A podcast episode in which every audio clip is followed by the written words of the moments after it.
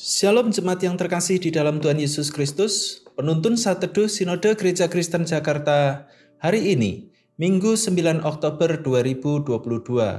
Hati yang baru, Yeskiel 36 ayat yang ke-26.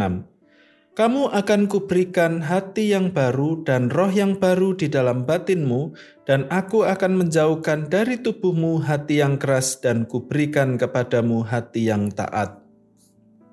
Sebuah bak penampungan air yang kotor tidak akan mampu menampung air bersih karena di dalamnya sendiri sudah kotor dan penuh dengan lumut.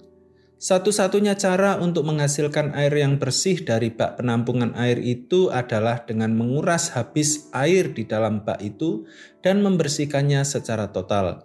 Setelah itu, baru diisi kembali air bersihnya ke dalam bak tersebut. Demikian juga halnya dengan hati. Nas hari ini berbicara tentang hati yang baru. Hati yang baru berhubungan dengan pikiran, hikmat, dan pengertian baru, serta berasal dari pemberian Tuhan. Kata baru pada bagian ini berarti perubahan secara total dan menyeluruh, bukan sebagian.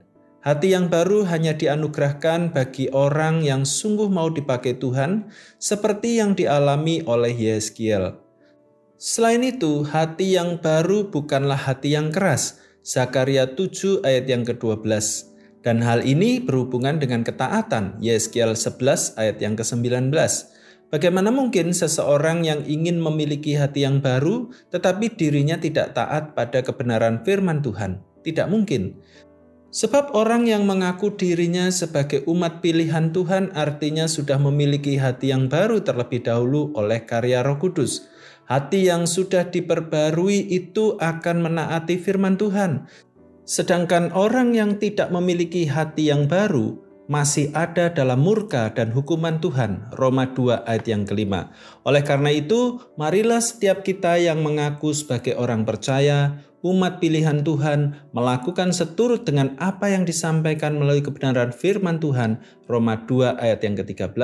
Selain itu, marilah kita miliki sikap hidup sebagai seorang hamba Tuhan yang setia Roma 6 ayat yang ke-16 dan jadikan prioritas ketaatan kita tidak lagi pada manusia tetapi pada Tuhan. Kisah para Rasul 5 ayat yang ke-29 dengan tetap menjaga hati dalam segala kewaspadaan. Amsal 4 ayat yang ke-23. Hati yang baru bukan berbicara tentang diri sendiri, tetapi hati seorang hamba yang taat pada kehendak Tuhan. Selamat beraktivitas, tetap semangat, Tuhan Yesus memberkati.